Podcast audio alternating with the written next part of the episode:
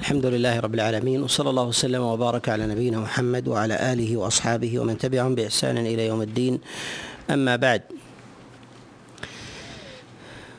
فنشرع في المجلس الثاني من سورة الأعراف في الكلام على آي الأحكام المتعلق بمسائل مسائل الفقه ومسائل الحلال والحرام وما لحق فيها في اصطلاح أهل العلم من أهل التفسير. ونتكلم في آه، أول هذه الآيات على قول الله جل وعلا يا بني آدم خذوا زينتكم عند كل مسجد. أمر الله سبحانه وتعالى بأخذ الزينة عند كل مسجد والمراد بذلك هي العبادة وموضعها. فذكر الله عز وجل أخص صفاتها وما يتعلق بالسجود. فقال الله جل وعلا عند كل مسجد ويتفق العلماء على أن الخطاب يتوجه إلى الموضعين. الموضع الأول هو المساجد التي قد أوقفت أراضيها لله جل وعلا فالسنة أن يتجهز الإنسان وأن يتهيأ لدخولها بلباس حسن. لا أن يدخلها بلباس مبتذل قبيح أو فيه نجس ولو كان في غير صلاة. والثاني إلى موضع العبادة التي يؤديها فيها ولو كان ذلك ولو كان ذلك في غير مسجد. كان يصلي الإنسان كان يصلي الإنسان في فلاة أو تصلي المرأة في بيتها فإنه يستحب لمن فعل ذلك أن يتخذ زينته لأجل هذه العبادة لا لأجل التربة التي يقف عليها أو أو يجلس عليها عليها وإنما لأجل هذه هذه العبادة. ولهذا نقول إن اللباس يقصد به يقصد به الموضعين. آه، أو الجهتين الجهة الأولى هي موضع العبادة الثانية هي هي العبادة بذاتها. والله سبحانه وتعالى وجه الخطاب للذين وجه الخطاب لبني آدم فقال جل وعلا يا بني آدم وظاهر الخطاب في ذلك آه، يتضمن جملة من الدلالات أو الإشارات. فالله سبحانه وتعالى لم يوجه الخطاب للمؤمنين ولم يوجهه للمسلمين وإنما وجهه لبني آدم. وذلك يتضمن إشارات من منها آه، إشارة إلى أن الأصل في آه، في أهل في أهل الخطاب في أهل الخطاب والتكليف الإسلام. فالله عز وجل قد فطر الناس على قد فطر الناس على الإسلام. وما من مولود إلا ويولد على الفطرة إلا ويولد على الفطرة. فخاطبهم ببني آدم أي أن دينكم الإسلام وطاعة لله جل وعلا. وكذلك أيضا آه، فإن من الإشارات المتعلقة المتعلقة بذلك أن أخذ الزينة من فطرة بني آدم مما طبع طبع عليها البشر وتقدم الإشارة إلى شيء من هذا المعنى وذلك أن الله سبحانه وتعالى خاطبهم ببني آدم أي أنكم مفطورون على أخذ الزينة والتجمل وستر وستر العورات فخاطبهم بأصلهم إرجاعا لهم إلى فطرتهم التي فطرهم الله عز وجل عليها من أخذ الزينة وستر العورة وحب بالتجمل. فإن الإنسان فإن الناس جبلوا على اللباس والستر وحب التجمل.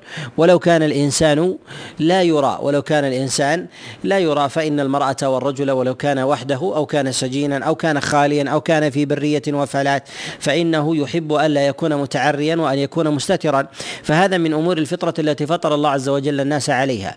فكأن الله سبحانه وتعالى أراد أن يدلل بهذا النداء آه، أن الأمر بذلك هو من آه، نوازع الفطرة التي خلق الله عز وجل الناس عليها. ثم أيضا من الإشارات في ذلك هو إرجاع إلى قصة آدم إلى قصة إلى قصة آدم. فالله عز وجل قد ذكر قصة آدم قصة آدم مع إبليس ولما كان في الجنة وما تبع آه، ما تبع أكله من الشجرة من كشف السوأتين ثم سترهما وتحذير الله عز وجل وجل بعد ذلك لبني آدم على سبيل العموم. ثم الله عز وجل أراد أن يبين حكما خاصا يتعلق باللباس فناداهم ببني آدم ليتذكروا ما سلف ممن أراد أن ممن أراد أن يحرفهم عن الفطرة من أول أمرهم لما كانوا لما كانوا في الجنة وهم وهو وهو إبليس.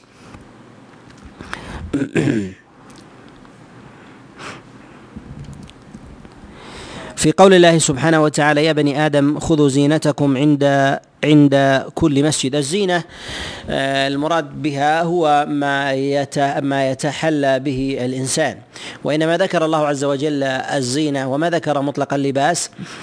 وذلك فيه تشريف لموضع العبادة وللعبادة وكذلك أيضا فيه إشارة إلى أن الفطر لا تدل إلا على لبس الزينة ويتضمن كذلك أن الإنسان يلبس من ثيابه أحسنها في موضع العبادة في موضع في موضع آه، العبادة. ولهذا قد جاء عن غير واحد من السلف أنهم لم يجعلوا آه، غلاء الثياب واللباس لأداء الصلاة من السرف كما صح ذلك عن تميم الداري فيما رواه الطبراني عن محمد بن سيرين أن تميما اتخذ ثوبا آه، بألف يصلي يصلي فيه يعني أنه يتحلى بذلك ويتزين ولم يجعل يجعل ذلك من جملة من جملة السرف لأن من أعظم أو أعظم المقاصد للباس هو التعبد لله جل وعلا والتعبد لله سبحانه سبحانه وتعالى. وهذه الآية وهذه الآية نزلت على رسول الله صلى الله عليه وسلم إبطالا لما كان عليه أهل الجاهلية وذلك من من الطواف عند البيت عراة فإنهم كانوا يطوفون يطوفون عند البيت عراة وكان العرب في ذلك على نوعين. وكان العرب في ذلك على على نوعين. عرب يطوفون عراة وعرب لا يطوفون لا يطوفون عراة والذين لا يطوفون عراة هم قريش أو الحمص ومن آه، حالفهم آه، من العرب فإنهم يطوفون بثيابهم الذي هم عليها سواء كانوا بمكة أو في أطرافها. فإنهم لا يرون دخولهم في الحكم فيجعلون ذلك من خصائصهم أنهم يطوفون بثيابهم لأن ثيابهم آه، ثيابهم في الحرم وهم من أهله وهم من أهله. وأما الذين يطوفون عراة وهم الذين جاءوا من غير أهلها فليسوا من الحمص. ولا كذلك أيضا من حلفائهم. ولا صلة لهم بالحرم من جهة السقاية والعناية والحماية. فمن جاء مثلا من اليمن أو من غيرها فإنه يطوف عريانا. وتخيره قريش وتخيره قريش بين بين ان أن يبتاع منها لباسا أو أن يجد فيهم من يعيره لباسا يعني من لباسهم لا يأتي بلباس من خارجها أو أن يطوف عريانا أو أن يطوف أن يطوف عريانا. وكانوا في ذلك أيضا من جهة صفة طوافهم. كان الرجال يطوفون نهارا والنساء يطوفن يطوفن ليلا. والمرأة تضع شيئا على فرجها. ولهذا تقول كما جاء في صحيح الإمام مسلم من حديث عبد الله بن عباس أن المرأة كانت تطوف عريانة وتقول اليوم يبدو بعضه أو كله وما بدا منه فلا فلا أحله. فأنزل الله عز وجل على رسوله صلى الله عليه وسلم قوله جل وعلا يا بني آدم خذوا زينتكم عند كل مسجد. وهذا إبطال لما كانوا لما كانوا عليه. ويتضمن كذلك أيضا هو تذكير لما كان عليه آدم وإبليس ان أنه قد استدرجكم وفعل فيكم ما فعل بأبيكم من قبل. وفعل فيكم ما فعل بأبيكم من قبل أن جعلكم عراة عند عند البيت وهو أطهر وهو أطهر بقعة. فتتعبدون لله عز وجل ب تتعبدون لله عز وجل بالباطل. بل ما وقعوا فيه أعظم وذلك أن آدم وحواء لم يتعبدوا بذلك الفعل وإنما ابتلوا به وإنما ابتلوا به فعاقبهم الله عز وجل فعاقبهم الله عز وجل لمخالفة أمره بذلك لمخالفة أمره أمره بذلك. وأما هؤلاء فإنهم يتعبدون لله جل وعلا بهذا الفعل فهو تعبد لله جل وعلا بما لم يشرعه بما لم يشرعه الله سبحانه سبحانه وتعالى. والزينة آه، الزينة من آه، من اللباس آه، هي شاملة لجميع ما لبس سواء كان ذلك لعضو من الأعضاء. وذلك كالخف وكذلك النعال أو كذلك أيضا العمامة أو كان ذلك لمن كان لما كان سابغا على البدن أو لبعض أو أكثره وذلك الإزار والرداء والقميص وما في حكمها. ولهذا جاء من حديث عطاء عن أبي هريرة أن رسول الله صلى الله عليه وسلم قال خذوا زينتكم قالوا وما الزينة؟ قال الصلاة بالنعال. الصلاة الصلاة بالنعال. وحينئذ نقول إن ما ما كان زينة من اللباس يتزين به الناس فهو فهو من اللباس المحمود آه، أن يلبس في موضع العبادة. من اللباس المحمود أن أن آه، أن يلبس في موضع العبادة سواء كان نعلا أو كان خفا أو كان عمامة شريطة ألا يستر ما أمر الله عز وجل أو حث على كشفه وذلك كالوجه. والكفين فإن السنة ظهورها فإن السنة فإن السنة آه، السنة ظهورها وألا يغطيها يغطيها الإنسان على خلاف عند العلماء في بعض المسائل المتعلقة بذلك. هل النهي في ذلك هو على الكراهة أم أنه على على التحريم وأثر ذلك على وأثر ذلك على الصلاة؟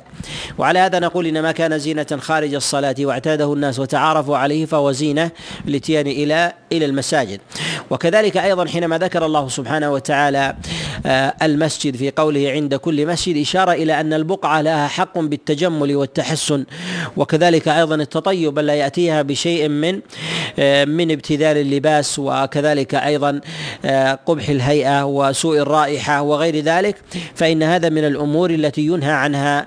وذلك أنه ربما يعلق في المساجد من النجس والقدر مما نهى الله عز وجل عن عن عن فعله في المسجد فيأتي به من تنجس أو تقدر بشيء من خارج المسجد إلى إلى المسجد. فنهى الله عز وجل عن ذلك وأمر بالإتيان بالزينة من خارج المسجد إلى المسجد سواء كان لصلاة أو لغير صلاة.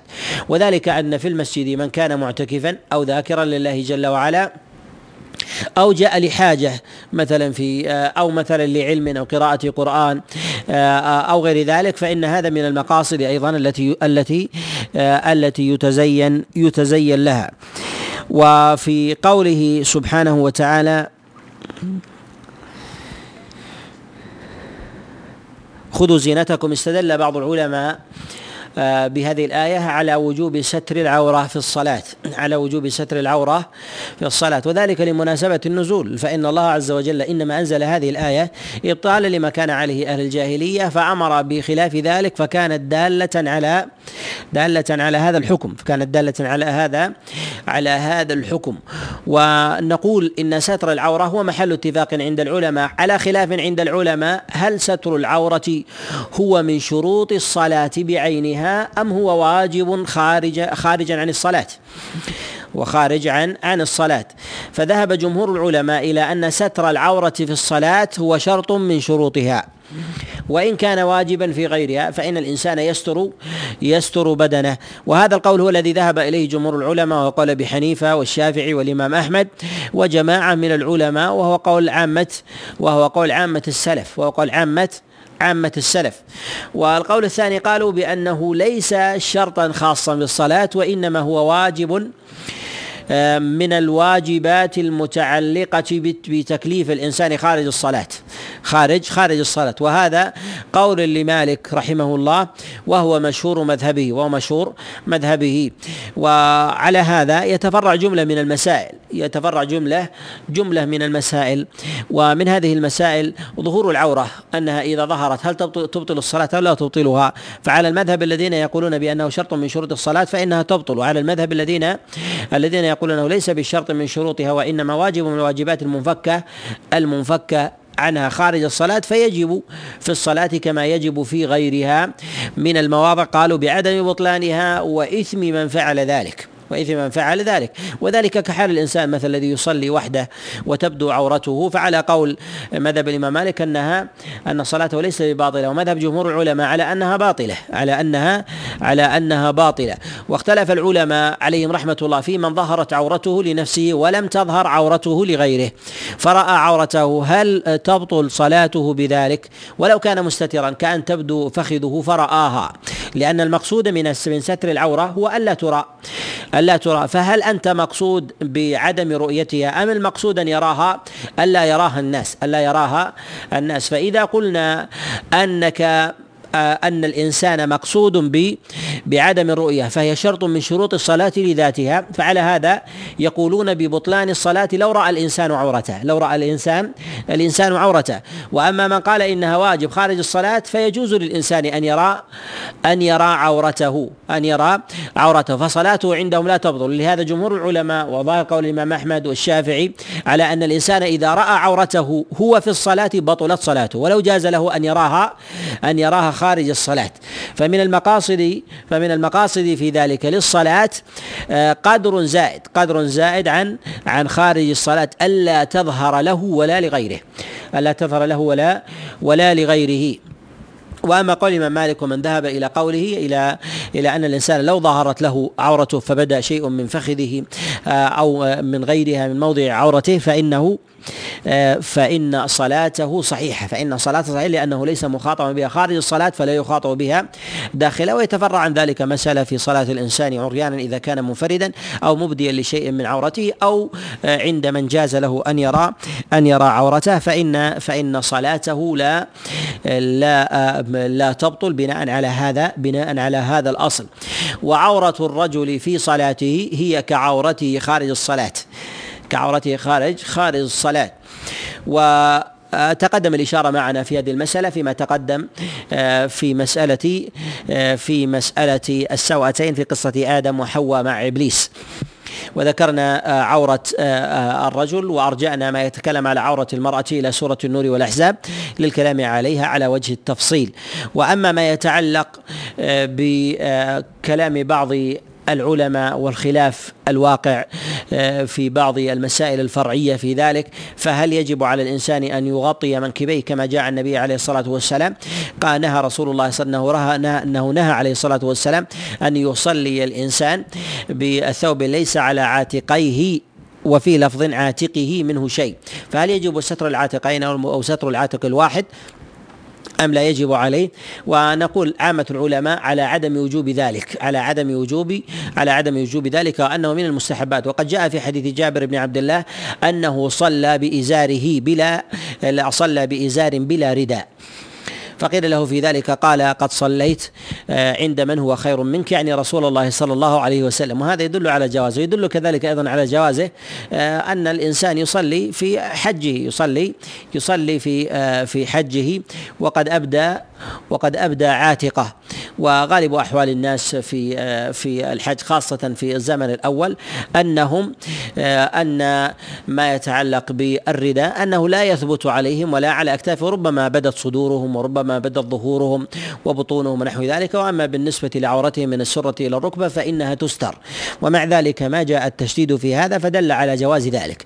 فدل على جواز على جواز ذلك إلا أن الأفضل على أن يتخذ الإنسان زينة أن يتخذ الإنسان زينة لستر لستر ما يستره الإنسان عادة إذا أراد التجمل عند الناس. إذا أراد التجمل إذا أراد التجمل عند الناس أن يتخذ ذلك للصلاة. وأما بالنسبة للمرأة في الصلاة أما بالنسبة للمرأة في الصلاة فالنبي صلى الله عليه وسلم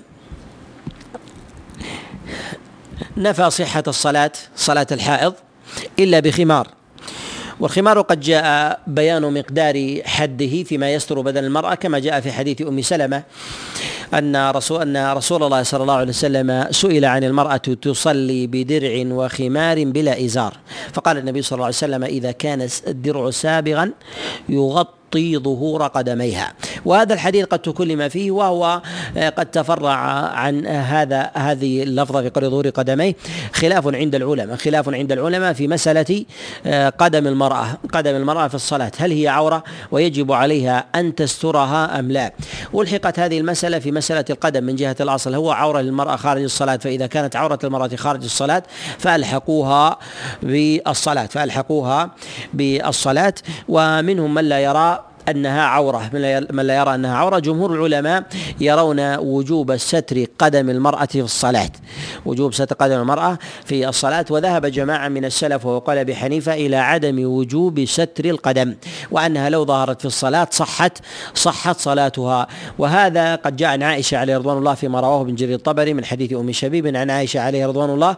وجاء ذلك أيضا عن سفيان عن سفيان الثوري وغيره من السلف وغيره من من السلف إلى أن القدم ليست بعورة ولا يجب عليه أن تسترها. وبعض العلماء يفرق بين ظهور القدم بقصد أو بغير قصد. فيبطلها بالقصد ولا يبطل ولا ويبطلها بالقصد ولا يبطلها بغير بغير القصد. و آه، جميع آه، جميع بدنها إلا أنها لا تغطي وجهها إلا إذا كان عند الرجال. وقد نص المحققون من المذاهب الأربعة على أن المرأة إذا كانت عند الرجال فإنها تغطي وجهها.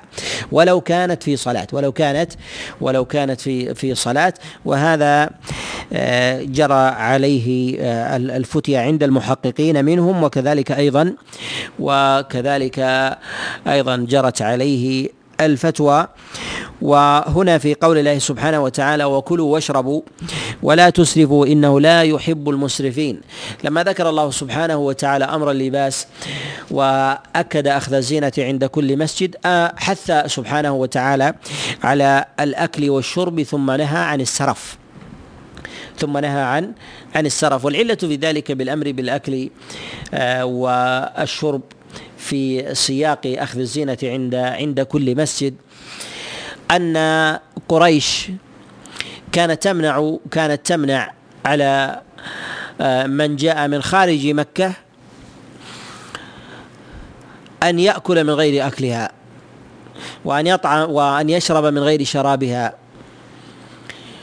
و وربما شدت على شددت على بعض على بعضهم في نوع من أنواع الطعام. فيمنعونهم من السمن أو الودك أو غير ذلك. فجاء في ذلك التوسعة وإبطال ما كانوا عليه وأمر الله سبحانه وتعالى بالأكل والشرب. أمر الله جل وعلا بالأكل والشرب وأنه لا يستثنى من ذلك شيء. فذكر الله سبحانه وتعالى المسجد وموضع الصلاة والمقصود بذلك ما يتعلق بالمسجد الحرام باعتبار أنه لا مسجد يتبادر إلى أذهان الناس في ذلك الوقت إلا إلا المسجد الحرام إلا المسجد الحرام. فذكر الله سبحانه وتعالى أخذ الزينة فيه ثم أمر الله جل وعلا بالأكل والشرب وأنه لا يحرم إلا ما حرمه الله جل وعلا. فقال سبحانه وتعالى وكلوا واشربوا ولا تسرفوا وكلوا واشربوا ولا ولا تسرفوا. وجاء الأمر بالأكل لأنه جاء لإبطال تحريم أكل آه، لم يحرمه الله سبحانه وتعالى وإنما ذكر الله جل وعلا الأكل والشرب وما ذكر غيره. وذلك مما يتنعم به مما يتنعم به الناس. نقول لأن سياق أو سبب النزول يقتضي ذلك. لأن السياق وسبب النزول يقتضي يقتضي ذلك. فجاء ذلك على مناسبة على مناسبة معينة. وفي قوله جل وعلا ولا تسرف هو راجع إلى الأكل والشرب.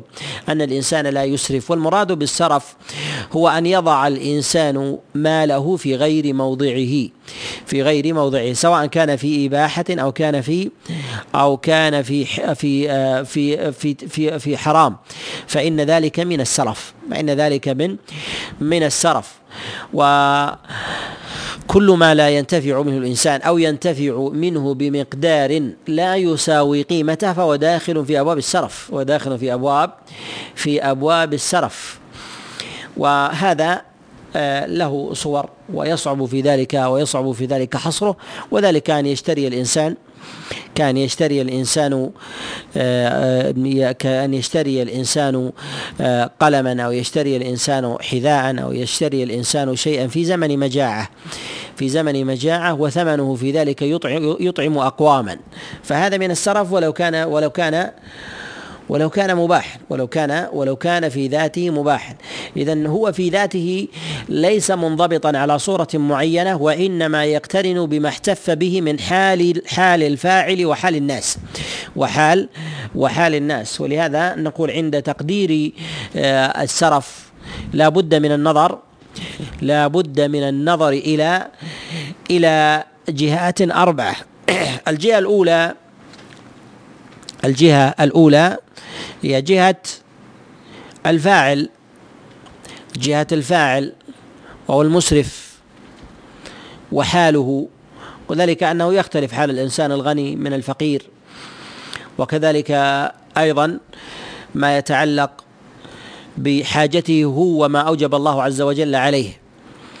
الجهة الثانية أن ينظر إلى المال المنفق إلى المال المال المنفق. من جهة قيمته ومقداره. فإن المال المنفق هو معتبر من جهة كثرته وقلته. ولو كانت العين ولو كانت العين التي ينفق عليها الإنسان مباحة. فلو كانت مبتذلة مباحة لا قيمة لها فقام بشرائها بأموال طائلة فإن هذا يحرم. كالذي يشتري مثلا شيئا يسيرا من حذاء أو نحو ذلك بمبالغ يشتري بها دارا أو يشتري بها مثلا آه، مركبا أو آه، مثلا آه، يشتري بها ما يغيث حيا أو بلدا أو نحو ذلك كما يفعله كثير من السفهاء كما يفعله كثير من السفهاء. وهذه ولو كانت مباحة إلا أنها بمثل هذه القيمة تعد تعد سرف سرفا. منهيا عنه تعد سرفا منهيا منهيا عنه. الجهة الثالثة أن ينظر في ذلك إلى العين المسرف فيها إلى العين المسرف فيها من جهة قيمتها على وجه الحقيقة على وجه الحقيقة. وذلك آه، في الشرع وعند الناس وعند وعند الناس. فإن الناس يتباينون يتباينون في ذلك. وذلك أن الأعيان منها ما هي حلال والحلال على مراتب ومنها ما هو حرام والحرام كذلك أيضا على مراتب. فكل مال ينفق في حرام ولو كان ذرة أو برة فهو سرف فهو سرف. ولهذا يقول مجاهد بن جبر يقول لو أنفقت مثل أبي قبيس مثل أبي قبيس على طاعة الله ما كان سرفا. ولو أنفقت صاعا على حرام لكان سرفا. فالشيء ولو كان يسيرا ينفقه الإنسان في حرام فهو سرف. فهو فهو سرف. اذا لا بد من النظر إلى العين. لا بد من النظر إلى العين. وقد يقول قائل هي حرام ولكني لم أنفق عليها إلا درهما أو ربع درهم أو أخذتها بذرة أو برة أو نحو ذلك. نقول هذه الذرة والبرة على الحرام سرف لأنها لا قيمة لها في الشريعة. لا قيمة لها في الشريعة فأن يجعل الإنسان لها قيمة في في موضع لم يجعل لها الشارع قيمة فهي فهي حرام فهي حرام. ويدخل في ذلك ما يطعمه الإنسان أو يلبسه الإنسان. كذلك أيضا ما ينفق ما, ما ينفق على فعل الحرام كالفواحش وغير ذلك فهو أيضا داخل في داخل في السرف داخل في في السرف الجهة الثالثة الجهة الرابعة الجهة الرابعة التي يجب النظر النظر إليها الحال المحتفة الحال المحتفة بالفاعل. والحال المحتفة بالفاعل أو الواقع وما حوله فليس للإنسان أن يشتري أن يشتري زينة له كعمامة بدينار وولده جائع. لا يجد ما يطعم أو زوجته عريانة لا تجد ما ما ما, ما تستر عورتها وغير ذلك فإن هذا ولو كان دينارا لم يحرم لأجل فعله لأجل ذاته ولا لأجل العين ولا لأجل قيمة هذه العين فقيمتها كذلك ولكن لما احتف به مما مما يجب عليه مما يجب عليه أو إذا كان في الناس مجاعة وفقر في بلده أو ما وجب عليه التكليف فيقوم بالإنفاق بالسرف بما زاد عن حاجته والناس يحتاجون إلى ستر عوراتهم وإلى إشباع بطونهم فيضع ماله في فضول فيضع ماله في فضول فحينئذ يدخل ذلك في أبواب يدخل ذلك في أبواب السرف. وهذه الجهات الأربع إذا أراد الإنسان أن ينظر إليها يجد أنها ضابطة ضابطة لأمر السرف وتعيينه. فيستطيع الإنسان بالنظر إليها أن يحكم على جميع الأحوال عند اختلافها. وأما إذا أراد الإنسان أن ينظر إلى جهة واحدة منها فإنه لا يستطيع أن يضبط السرف. فإنه يقول هذه قيمتها وأنا أنفقها فيها فنقول ليست الحرمة من جهة من جهتك ولا من جهة قيمتها ولا من جهة عينها وإنما من الجهة الرابعة ما احتف بك وذلك آه، أن أهلك جياع. وأن ولدك عريان وأن زوجك كذا وكذا وكذا فحرم عليك من هذه الجهة فأصبح الإنفاق حينئذ سرفا ولو كان من غيرك من جارك أو من أخيك أو من غير ذلك أنفقها أو أنفق ضعفها ما كان سرفا. ما كان صرفا. فأصبح محرما من هذه الجهة. فأصبح محرما من هذه من هذه الجهة وهذه من الأمور الضابطة لذلك. وفي قول الله جل وعلا ولا تسرفوا.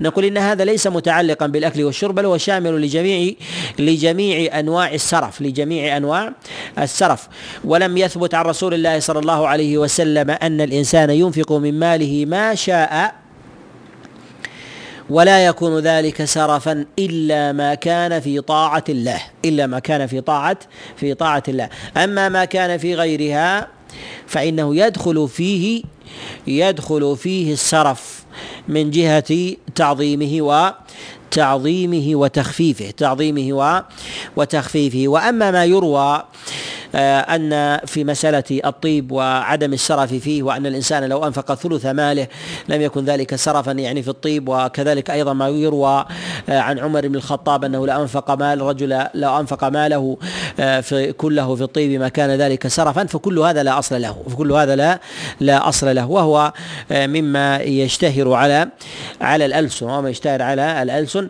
نقول فيما يتعلق بمسألة الطيب هو يدخل في دائرة السرف كذلك. كذلك يدخل في دائرة السرف كذلك وهو محكوم بالجهات الأربع التي تقدم الكلام الكلام عليها تقدم الكلام الكلام عليها وإن كان في الشريعة قد جاء حمده والثناء عليه وكذلك حبه وكذلك أيضا بحرص النبي عليه الصلاة والسلام من جهة عمله وكذلك أيضا من جهة أصحابه عليه وحث على تطيب المساجد وغير ذلك فإن هذا آه، حث حث عام هذا حث عام. لا يخرج آه، تلك العين أيضا. من دخول السرف فيها من دخول السرف فيها فهي محكومة أيضا بتلك بتلك الجهات. وما جاء عن السلف ما يتعلق في أمور العبادة في أمور العبادة وذلك بتجهيز الغزاة. وكذلك أيضا ببناء المساجد إذا كان الناس يحتاجون إليها. كذلك أيضا من جهة الصدقات وإطعام الفقراء والمساكين. وكذلك أيضا تسهيل السبل للحجاج وغير ذلك. فإن هذا فإن هذا لو أنفق الإنسان ماله كله ما كان ذلك سرفا. ولهذا أبو بكر الصديق عليه رضوان الله لما استنفق النبي عليه الصلاة والسلام الصحابة جاء أبو بكر بماله كله. وسأله رسول الله صلى الله عليه وسلم ما أبقيت لأهله قال أبقيت لهم الله ورسوله. يعني لا أبقي لهم شيئا. ما عد النبي عليه الصلاة والسلام ذلك صرفا. لماذا؟ لأنه في عبادة. لأنه في في عبادة. ولكنه لو أنفق ماله كله في لباس أو أنفق ماله كله في طعام أو في شراب أو غير ذلك لعد سرفا لعد لعد سرفا أما في أمور العبادة فلا يكون. وهذا ظاهر ما جاء عن تميم الداري عند الطبراني حينما آه، اشترى ثوبا بألف. كذلك أيضا ما جاء عن مجاهد قال لو أنفقت آه، مثل أبي قبيس. في طاعة الله ما كان سرفا ما كان ما كان سرفا ويدخل في ذلك أن الإنسان مثلا إذا أراد أن يقصد الحج أن يقصد الحج وأراد أن يحج مثلا آه، وبلده بعيدة ولا يستطيع أن ينتقل من آه، من البراري والبحار لطول الطريق إلا بمبالغ طائلة ولو باع دارة. نقول ليس بذلك ليس ذلك بكثير. كذلك النافر في سبيل الله إذا أراد أن ينفر في سبيل الله أو إن يجهز غزاة فدفع ماله كله أو خرج بنفسه بماله كله فإنه كذلك. ولهذا النبي صلى الله عليه وسلم يقول كما جاء في حديث أبي هريرة في الصحيح في فضل أيام عشر ذي الحجة قالوا للنبي عليه الصلاة والسلام ولا الجهاد في سبيل الله قال ولا الجهاد في سبيل الله إلا رجل خرج بنفسه وماله ولم يرجع من ذلك بشيء. وذكر أنه لم يبقى منه شيء لماذا؟ لأنه كان في عبادة لأنه كان كان في في عبادة ولهذا لم تستثني الشريعة لم تستثني الشريعة من أبواب آه، السرف في الإنفاق إلا ما تعلق بالطاعات إلا ما تعلق بالطاعات. ولماذا آه، لم نستثني ما يتعلق بالطاعات والشريعة لم تستثني أمور الطاعات؟ مع أنه قد يدخل فيها قد يدخل فيها الإخلال قد يدخل فيها الإخلال. نقول إن الطاعة إذا أنفق الإنسان فيها فيها لمرضاة الله سبحانه وتعالى لا يمكن أن أن يخل الإنسان بالنفقة فيها إلا إذا كان فعلها لغير الله. إذا كان الإنسان فعل لغير الله. ومثل ذلك إذا فعل الإنسان بناء المساجد مباهاة كالذي يزخرف ويزركش ويحلي وغير ذلك. جاءت النهي في ذلك مع أنها مع أنها في المساجد إنما هو في قدر زائد عن المسجد. هو في قدر زائد زائد عن المسجد. فجاء النهي فيه. كذلك أيضا من جهة تحلية المصاحف الذي يحليها ويذهبها ويخطها مثلا بالذهب وغير ذلك. قد روي في غير ما أثر النهي النهي عن ذلك. فهل هذا هو النهي عن التعبد بطباعة المصاحف للناس وقراءتها؟ لا إنما هو أمر خارج عنها. فقد تدخل الأهواء في الإنفاق في أمور العبادة فنقول إن الشريعة ما أذنت بدخول الأهواء أصلا فضلا عن الإنفاق عليها. فضلا عن الإنفاق على الإنفاق عليها. ولهذا للإنسان أن يطبع المصاحف ولو أنفق ماله كله. يقول أريد أن أنفق مالي كله لطباعة المصاحف أو لطباعة العلم وغير ذلك. فنقول إن هذا مما مما أذنت به مما أذنت به به الشريعة. وكذلك أيضا آه، ربما يستشكل البعض أن الإنسان ربما ينفق ماله كله ويعطل ما أوجب الله عز وجل عليه من جهة أخرى. نقول أن الله جل وعلا لا يأذن بإنفاق المال كله في عبادة من العبادات ويضيع عبادة أخرى لأن الإنفاق على الزوجة والولد عبادة. الإنفاق على الزوجة والولد والولد عبادة.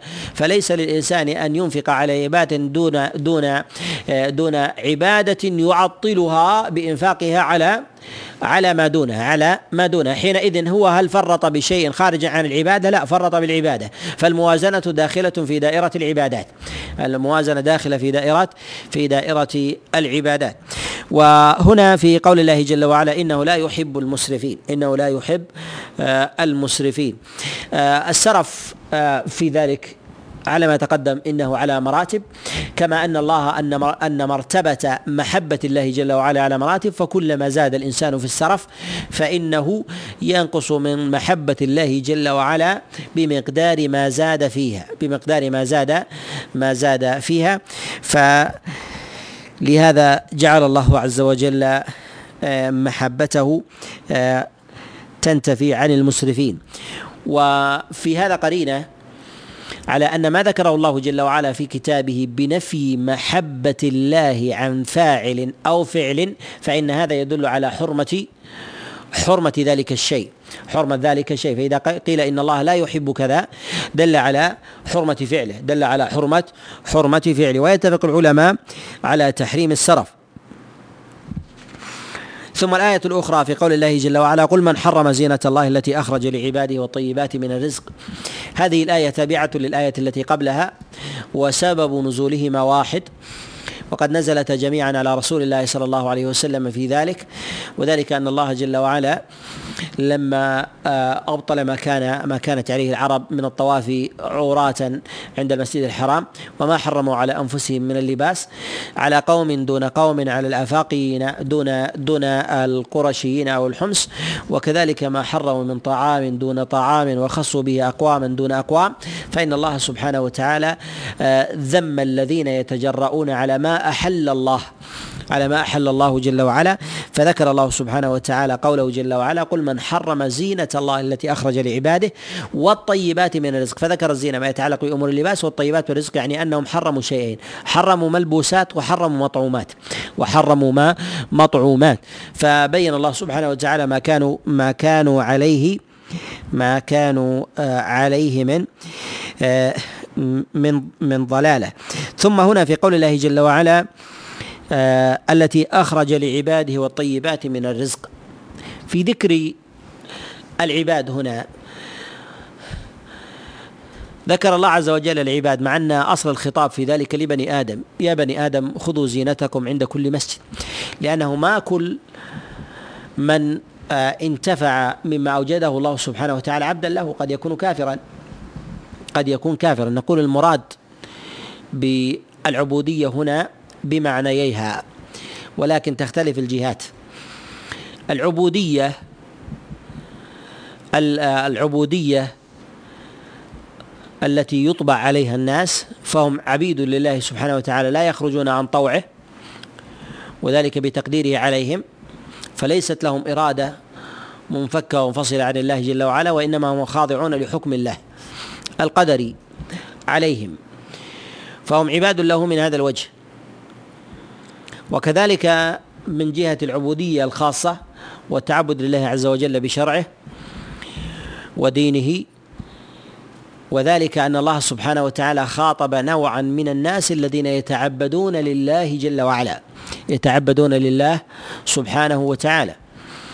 فهي داخلة في هذين في هذين النوعين. قال والطيبات من الرزق قل هي للذين آمنوا في الحياة الدنيا خالصة يوم القيامة. ذكر الله عز وجل الرزق وسمى الله سبحانه وتعالى نفسه خير الرازقين.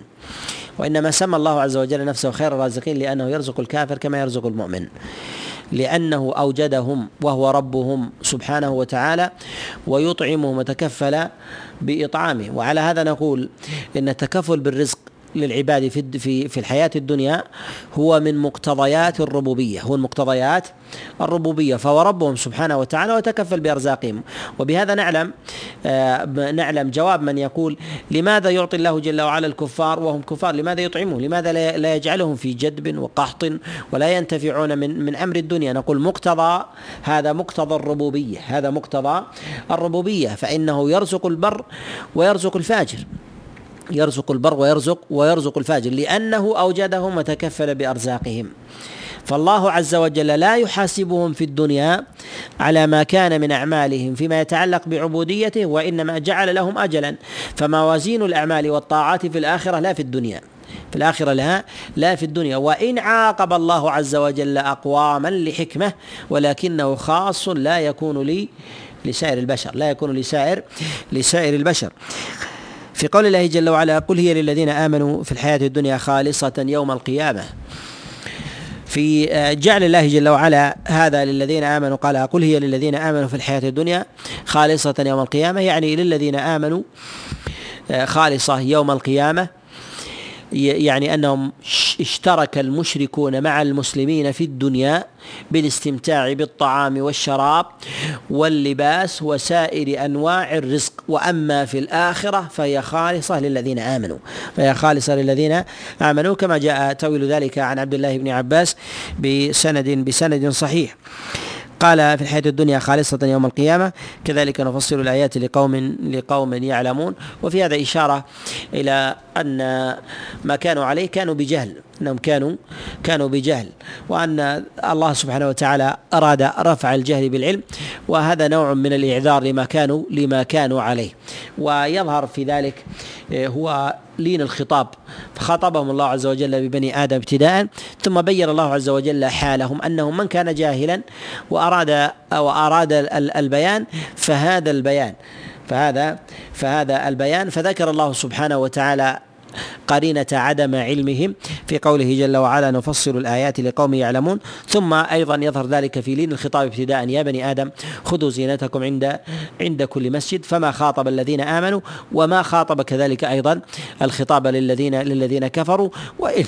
وإنما جعل الخطاب مشتركا للناس جميعا. ثم في قول الله سبحانه وتعالى بعد ذلك قل إنما حرم ربي الفواحش ما ظهر منها وما بطن. تقدم معنا الكلام على الفواحش ومعناها وكذلك أيضا ما كان من الأمور المحرمة وكذلك أيضا ما يتعلق بمسألة الكذب على الله. يقول الله سبحانه وتعالى ادعوا ربكم تضرعا وخفية إنه لا يحب المعتدين. هذه الآية آه، تتضمن آه، فضل الدعاء ومنزلته. والمراد بالدعاء بجميع أنواعه وعلى سبيل الخصوص هو دعاء المسألة. ويدخل في ذلك جميع أنواع العبادة وفي هذا مشروعية إخفاء العبادة والإصرار بها سواء كان ذلك من الصلاة أو الصيام أو أو كذلك أيضا من الزكاة أو كذلك أيضا من الحج. فهل آه، الإخفاء يشمل جميع أنواع العبادة؟ أم هو أم هو خاص بنوع دون نوع؟ نقول قد دلت الشريعة على استحباب الجهر ببعض العبادات استحباب الجهر ببعض ببعض العبادات. ومن العبادات التي دل الدليل على الجهر بها الصلوات الخمس فإن الله عز وجل أمر بالجهر بها وشرع لها الأذان وهو إعلام دخول الوقت وكذلك الإقامة لها وجعل جعل الله عز وجل إماما ومأمومين وصفوفا ويذكر الناس الله جل وعلا ويعبدونهم ويعبدونهم كما شرع علانية. ومنها أيضا ما يتعلق بالحج وكذلك أيضا العمرة يشهد بعضهم بعضا ويجتمعون في موضع واحد ويتراءون ويتعارفون ولا يتنكرون. كذلك أيضا ما كان من الشعائر العامة مما آه، جعله الله عز وجل متعلقة بزمان واحد يتحراه الناس كصيام رمضان. فإن الناس يتراءون الهلال جميعا ويتباشرون فيه ويجلسون على طعام واحد من سحور وإفطار وهذا من الأمور التي التي شرع فيها فيها العلانية فيها العلانية. ولهذا نقول إن الأصل بالشرائع بالشرائع انها أنها خفية إلا ما دل الدليل على إعلانه إلا ما دل الدليل على على إعلانه. فإخفاء العبادة أفضل من إصرارها. فإخفاء العبادة أفضل أفضل من إعلانها. وأما ما يتعلق بالعبادات التي تخرج عن هذا الأصل فهي ما دل الدليل عليه ما دل الدليل عليه. ونستطيع أن نقول أن ما دل الدليل عليه يجمعه يجمعه أوصاف يجمعه أوصاف. أولها الوجوب أولها الوجوب. فكل ما وجب على الناس جميعا فيشرع فيه الإعلان يشرع فيه الإعلان. فهو من من آه، الشعائر العامة الشعائر العامة. فأول أوصاف الوجوب. فإذا دل الدليل على وجوب شيء فإن إشهاره أفضل من إصراره فإن إشارة أفضل من إصراره ويدخل في ذلك أركان الإسلام وذلك كالصلاة وهي الصلوات الخمس وكذلك الزكاة والصيام والحج. وما أوجبه الله سبحانه وتعالى فإن السنة في ذلك فإن السنة في ذلك السنة في ذلك الإعلان به الإعلان الإعلان به. الثاني وما شرع له الجماعة ما شرع له الجماعة فإنه يشرع فيه الإعلان والإشهار ما شرع له الجماعة وذلك من الصلوات سواء كانت الخمس أو ما شرع الله عز وجل له الجماعة من غير الصلوات الخمس. وذلك كصلاة الكسوف والخسوف والاستسقاء فإن هذا مما شرع الله عز وجل له الجماعة كذلك أيضا كصلاة العيدين. فإنه ليس للناس أن يقولوا إن السنة في ذلك الإصرار لأن مقتضى مشروعية الجماعة في ذلك مقتضى مشروعية الجماعة. في ذلك هو الإشهار والإعلان. هو الإشهار الإشهار والإعلان فإن فإن ذلك من فإن ذلك من دلائلها. والثالث هو ما آه، دل دليل خاص على إشهاره. ما دل دليل خاص على على إشهاره. وذلك مثلا للاقتداء والتأسي فإن الإشارة قد يستحب لأحد دون أحد. يستحب لأحد دون دون أحد وقد يستحب للناس جميعا وقد يستحب للناس جميعا وقد يجب كذلك وقد يجب كذلك على ما تقدم الإشارة إليه كمسألة الجماعات وبناء العبادات كدور العبادة وغيرها وما يلحق بهذا مما يتعلق بأركان الإسلام كالحج والشاري والأذان به واجتماع الناس واجتماع الناس اجتماع الناس في ذلك. وقد يسوغ للإنسان أن يشهر شيئا دون على أحد دون دون أحد. وذلك أن إشهار العبادة التي الأصل فيها الإصرار يستحب لأحد دون أحد كالقدوة الذي يقتدى به كالقدوة الذي يقتدى يقتدى به. فإنه يستحب له أن يظهر أن يظهر من عمله ما يقتدي به الناس. وهذا لا يلزم منه أن يظهر جميع العمل. لا يلزم منه أن يظهر جميع جميع العمل وإنما يظهر بعضه وإنما يظهر يظهر بعضه. ما يدل على الاقتداء ما يدل على الاقتداء. وذلك لما كان النبي صلى الله عليه وسلم يقتدي به الناس كافة. كان إظهار عمله للناس أكثر من إسراره أكثر من من إصراره ولهذا لم يأتي عن عن أزواج النبي صلى الله عليه وسلم أن النبي عليه الصلاة والسلام كان يسر عبادة كذا وكذا وكان يستتر على الناس بعبادة كذا وكذا لأنه مشرع. لأنه عليه الصلاة والسلام مشرع. فمن كان في الناس بمثل هذا المقام فإنه يستحب له أن يظهر من العبادة أن يظهر من العبادة ما ما يقتدي به الناس. لا أن يظهر جميعها لا أن يظهر لا جميعها وإنما يكون له من عبادة السر ما يخلو بينه ما يخلو بها آه، بينه وبين الله جل آه، جل وعلا فلا يراه في ذلك في ذلك أحد. وذلك من قيام الليل وهو من الذكر ومن الصيام ومن الصدقة وغير ذلك. فإن عبادة السر تزكي عبادة عبادة العلانية وتطهرها من الدخائل عليها والدخائل عليها كثيرة من الرياء والسمعة وعجب النفس وعجب النفس بها. فإن الإنسان إذا فعل عبادة آه، السر ولم يراها أحد فإنه لا مجال للرياء والسمعة إلا إذا تحدث بها. بعد ذلك وهذا أيضا من حبائل الشيطان أن الإنسان يفعل عبادة السر ويظن أنه أسر ثم ما يزال به الشيطان حتى حتى يخبر بها الناس. ولهذا يقول سفيان الثوري إن الإنسان لا يفعل العبادة فتكتب له في ديوان السر فما يزال الشيطان به حتى يتحدث بها فتخرج من ديوان السر إلى ديوان العلانية. فحينئذ نقول إنه لا يلزم من ذلك أن يفعل العبادة أن يفعل العبادة مستترا فما دام يتحدث بها فهو كفعلها كفعلها علانية كان يقول الإنسان قمت صلاة كذا وكذا وتصدقت بكذا وكذا وسبحت الله كذا وكذا ونحو ذلك وهو على مقصده وعلى مقصده ولا يلزم من إعلانه أن إعلانه للصلاة أو للذكر أو لتلك العبادة أنها أنها تبطل ذلك وهو مرجوع وموكول إلى مقصده في ذلك وأثره وأثره عليه ولكن للسر دواوين وللعلانية دواوين للسر لدواوين وليعلم الإنسان أن مجرد إصراره لا يجعل العبادة سرا حتى يكتمها بلسانه عن الناس حتى يكتمها بلسانه بلسانه عن عن الناس. والأصل في في الناس الذين لا يقتدى بهم الأصل في أعمالهم ما ما لم يدل الدليل على على مشروعية إعلانه أن يفعله الإنسان سرا فإنه أقرب إلى أقرب إلى الإخلاص. فإنه أقرب إلى إلى الإخلاص. لماذا؟ لضعف القدوة في مثله لضعف القدوة في مثله. وربما يظهره لبعض الناس دون بعض كالأب يظهره لولده ليقتدي به. والمعلم الذي يعلم آه، جماعة أو طائفة معينة يظهر لهم ولا يظهر لغيرهم. وهذا يقدره الإنسان بمقدار بمقدار مقامه وأخذ الناس عنه. قال الله جل وعلا ادعوا ربكم تضرعا وخفية. التضرع آه، آه، في ذلك والخضوع والخشوع والتذلل بين يدي الله سبحانه وتعالى وذكر الله جل وعلا للتضرع وتقديمه على إخفاء ذلك ذلك العمل. إشارة إلى أن التضرع آكد من إخفاء العبادة.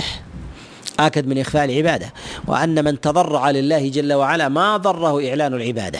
ما ضره إعلان إعلان العبادة. فما دام متضرعا لله جل وعلا خاشيا منه فجاءت فجاء إخفاء العبادة بعد ذلك مرتبة. جاء بعد ذلك بعد ذلك مرتبة. وأن الإنسان إذا كان مخفيا لعبادته فإنه ليتحقق له التضرع. يتحقق له التضرع وإرضاء الله جل وعلا وإذا كان قد تحقق له التضرع فإنه حق حقق المقصود في ذلك فإنما يحمي العبادة بإخفائها يحمي العبادة بإخفائها. وفي قول الله سبحانه وتعالى آه، إنه لا يحب المعتدين إنه لا يحب آه، المعتدين. آه، على حمل الدعاء في هذه الآية على الدعاء على سبيل العموم على ما تقدم. وفي حمله على المعنى الآخر ودعاء المسألة الإنسان يسأل ربه جل وعلا أنه يستحب للإنسان إذا كانت بينه وبين ربه مسألة أن يخفيها ان أن يخفيها. فيكثر من سؤال الله عز وجل حاجته ومطلبه وأن يكون بينه وبين الله سبحانه وتعالى. بينه وبين الله بين الله سبحانه وتعالى فإخفاء ذلك من عظيم الاتكال والاعتماد على الله. من عظيم الاتكال والاعتماد على على الله. فلا يظهر سؤاله آه، لأحد حتى لا يقع في قلبه انصراف إلى أحد من المخلوقين أن يسمع سؤاله الله جل وعلا فيكون معينا له في تحقيق ذلك. كالذي آه، يسأل الله عز وجل آه، دنيا أو يسأل زوجة أو يسأل مثلا شفاء أو نحو ذلك فكأنه يظهر ذلك يريد ممن يسمعه عونا فذلك في ضعف التجرد. فهذا في ضعف ضعف التجرد والأصل في ذلك هو والأصل في ذلك الإخفاء. وهنا في ذكر الله جل وعلا إنه لا يحب المعتدين. والعدوان في في الدعاء هو داخل سواء كان لدعاء العبادة أو لدعاء المسألة. لدعاء العبادة ودعاء المسألة. فليس للإنسان أن يعتدي فيعبد الله جل وعلا بغير ما شرع. فذلك من العدوان فيها. ولا كذلك أيضا في الدعاء في سؤال الإنسان ربه جل وعلا. والاعتداء هو مجاوزة الحد ومجاوزه الحد عما أذن الله جل وعلا به. فثمة أشياء يعتدي بها الإنسان في دعائه.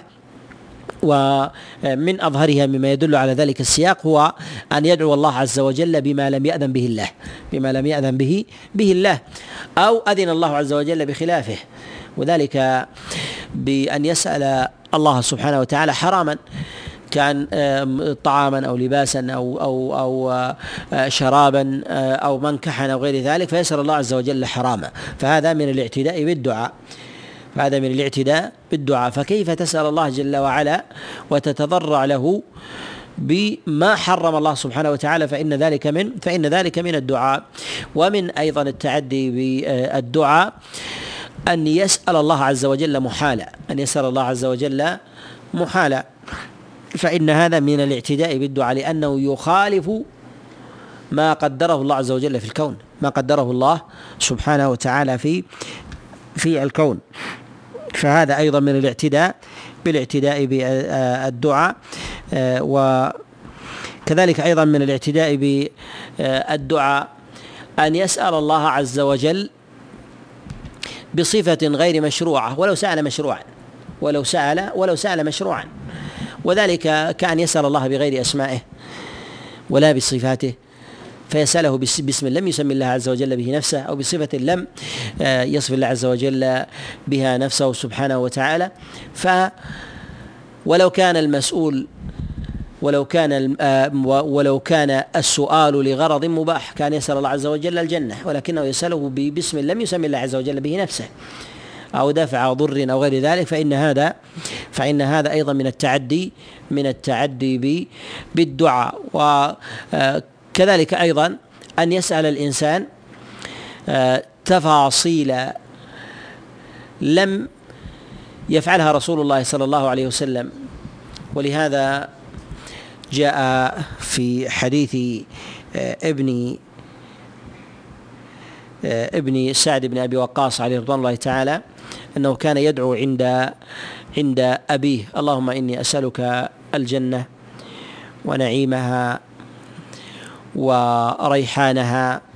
فقال له إني سمعت رسول الله صلى الله عليه وسلم يقول إنه يكون أقوام يعتدون في الدعاء. يعتدون في الدعاء. فإن من دخل الجنة سيأتيه من ريحها وريحانها وغير ذلك. كذلك أيضا في الاستعاذة من النار. الإنسان إذا استعاذ من النار وأنجاه الله منها أنجاه من أنجاه من حميمها وزقومها وكذلك أيضا من زمهريرها لأنه إذا لم يدخلها فإن هذه الأنواع فيها فإن هذه الأنواع فيها فذكر التفاصيل لا حاجة إليها ويكون ذلك من جملة من جملة التعدي بالدعاء. ومن كذلك أيضا من التعدي بالدعاء آه، أن يدعو على أحد بغير حق. يدعو على أحد بغير بغير حق. فذلك أيضا من الدعاء. أن يدعو الإنسان على أحد لم تقع منه مظلمة تقع منه منه مظلمة فيدعو عليه فيدعو فيدعو عليه. وليس عليه ولا على الأمة مظلمة. فذلك أيضا من الدعاء من التعدي بالدعاء وذلك أن يدعو عليه مثلا آه، آه، بإهلاك ماله أو كذلك أيضا فساد نفسه أو بموته أو نحو ذلك. ولم يقع منه مظلمة فهذا أيضا من التعدي بالدعاء هذا من التعدي من التعدي بالدعاء ومنها أيضا من التعدي بالدعاء أن يدعو الإنسان على من ظلمه بأعظم مما مما ظلمه. مثال ذلك. أن يكسر مثل رجل لك قلم وتقول اللهم اكسر ظهره. وأحرق ماله أو غير ذلك. هذا تعدي وغير تعدي؟ تعدي في الدعاء. لا يجوز. لماذا؟ لأن الله عز وجل عدل. لا يستجيب مثل هذا الدعاء. لا يستجيب مثل مثل هذا هذا الدعاء. ولهذا نقول ب بأنه من التعدي.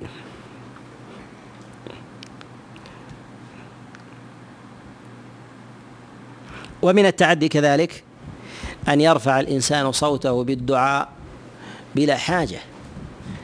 والحاجة في ذلك أن يسمع الإنسان غيره. أن يسمع الإنسان غيره ليؤمنوا كالذي يدعو عند أولاده أو الإمام الذي يدعو لمن خلفه في القنوت أو نحو ذلك. فإن ذلك من التعدي ولهذا دخل النبي عليه الصلاة والسلام على الصحابة وهم يدعون ويرفعون أصواتهم. فقال النبي عليه الصلاة والسلام إنكم لا تدعون أصما ولا غائبا.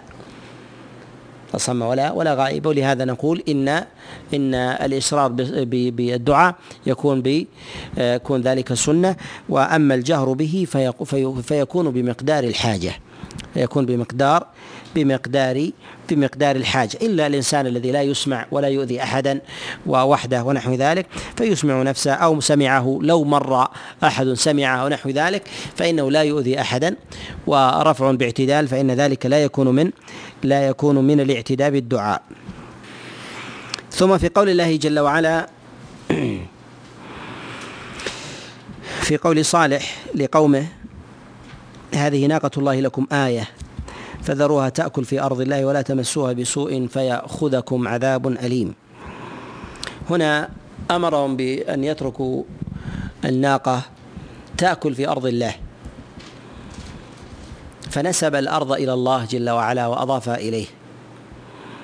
وفي هذا ما تقدم الدلالة عليه أن الأصل أن الأصل فيما يكون في الأرض أنه مشاع. ولهذا ذكر أرض الله وذاك وما ذكر ما يتعلق مثلا بأكلها من أموالهم ويتعلق بأشجارهم أو نحو ذلك. وإنما ذكر بما كان مشاعا ما كان ما كان مشاعا. أن لها ما لغيرها. لها ما ما لغيرها وإنما جعلها الله عز وجل ابتلاء. اذا هذه الآية تدل على ما تقدم الإشارة إليه من مسألة أن الأصل فيما يتعلق آه، بمنافع الأرض أنها مشاعة سواء كان ذلك بالماء أو كذلك التراب وكذلك أيضا النار والكلى. كما جاء النبي عليه الصلاة والسلام الناس شركاء في ثلاث الماء والكلى والنار. وتقدم معنا التفصيل في الكلام على مسألة الماء وبيع فضله وكذلك أيضا منع الكلى منع الماء ليمنع به الكلى وتقدم التفصيل فيما يتعلق في هذه في هذه المسألة فهذه أيضا من القرائن التي تدل على ذلك ذلك المعنى.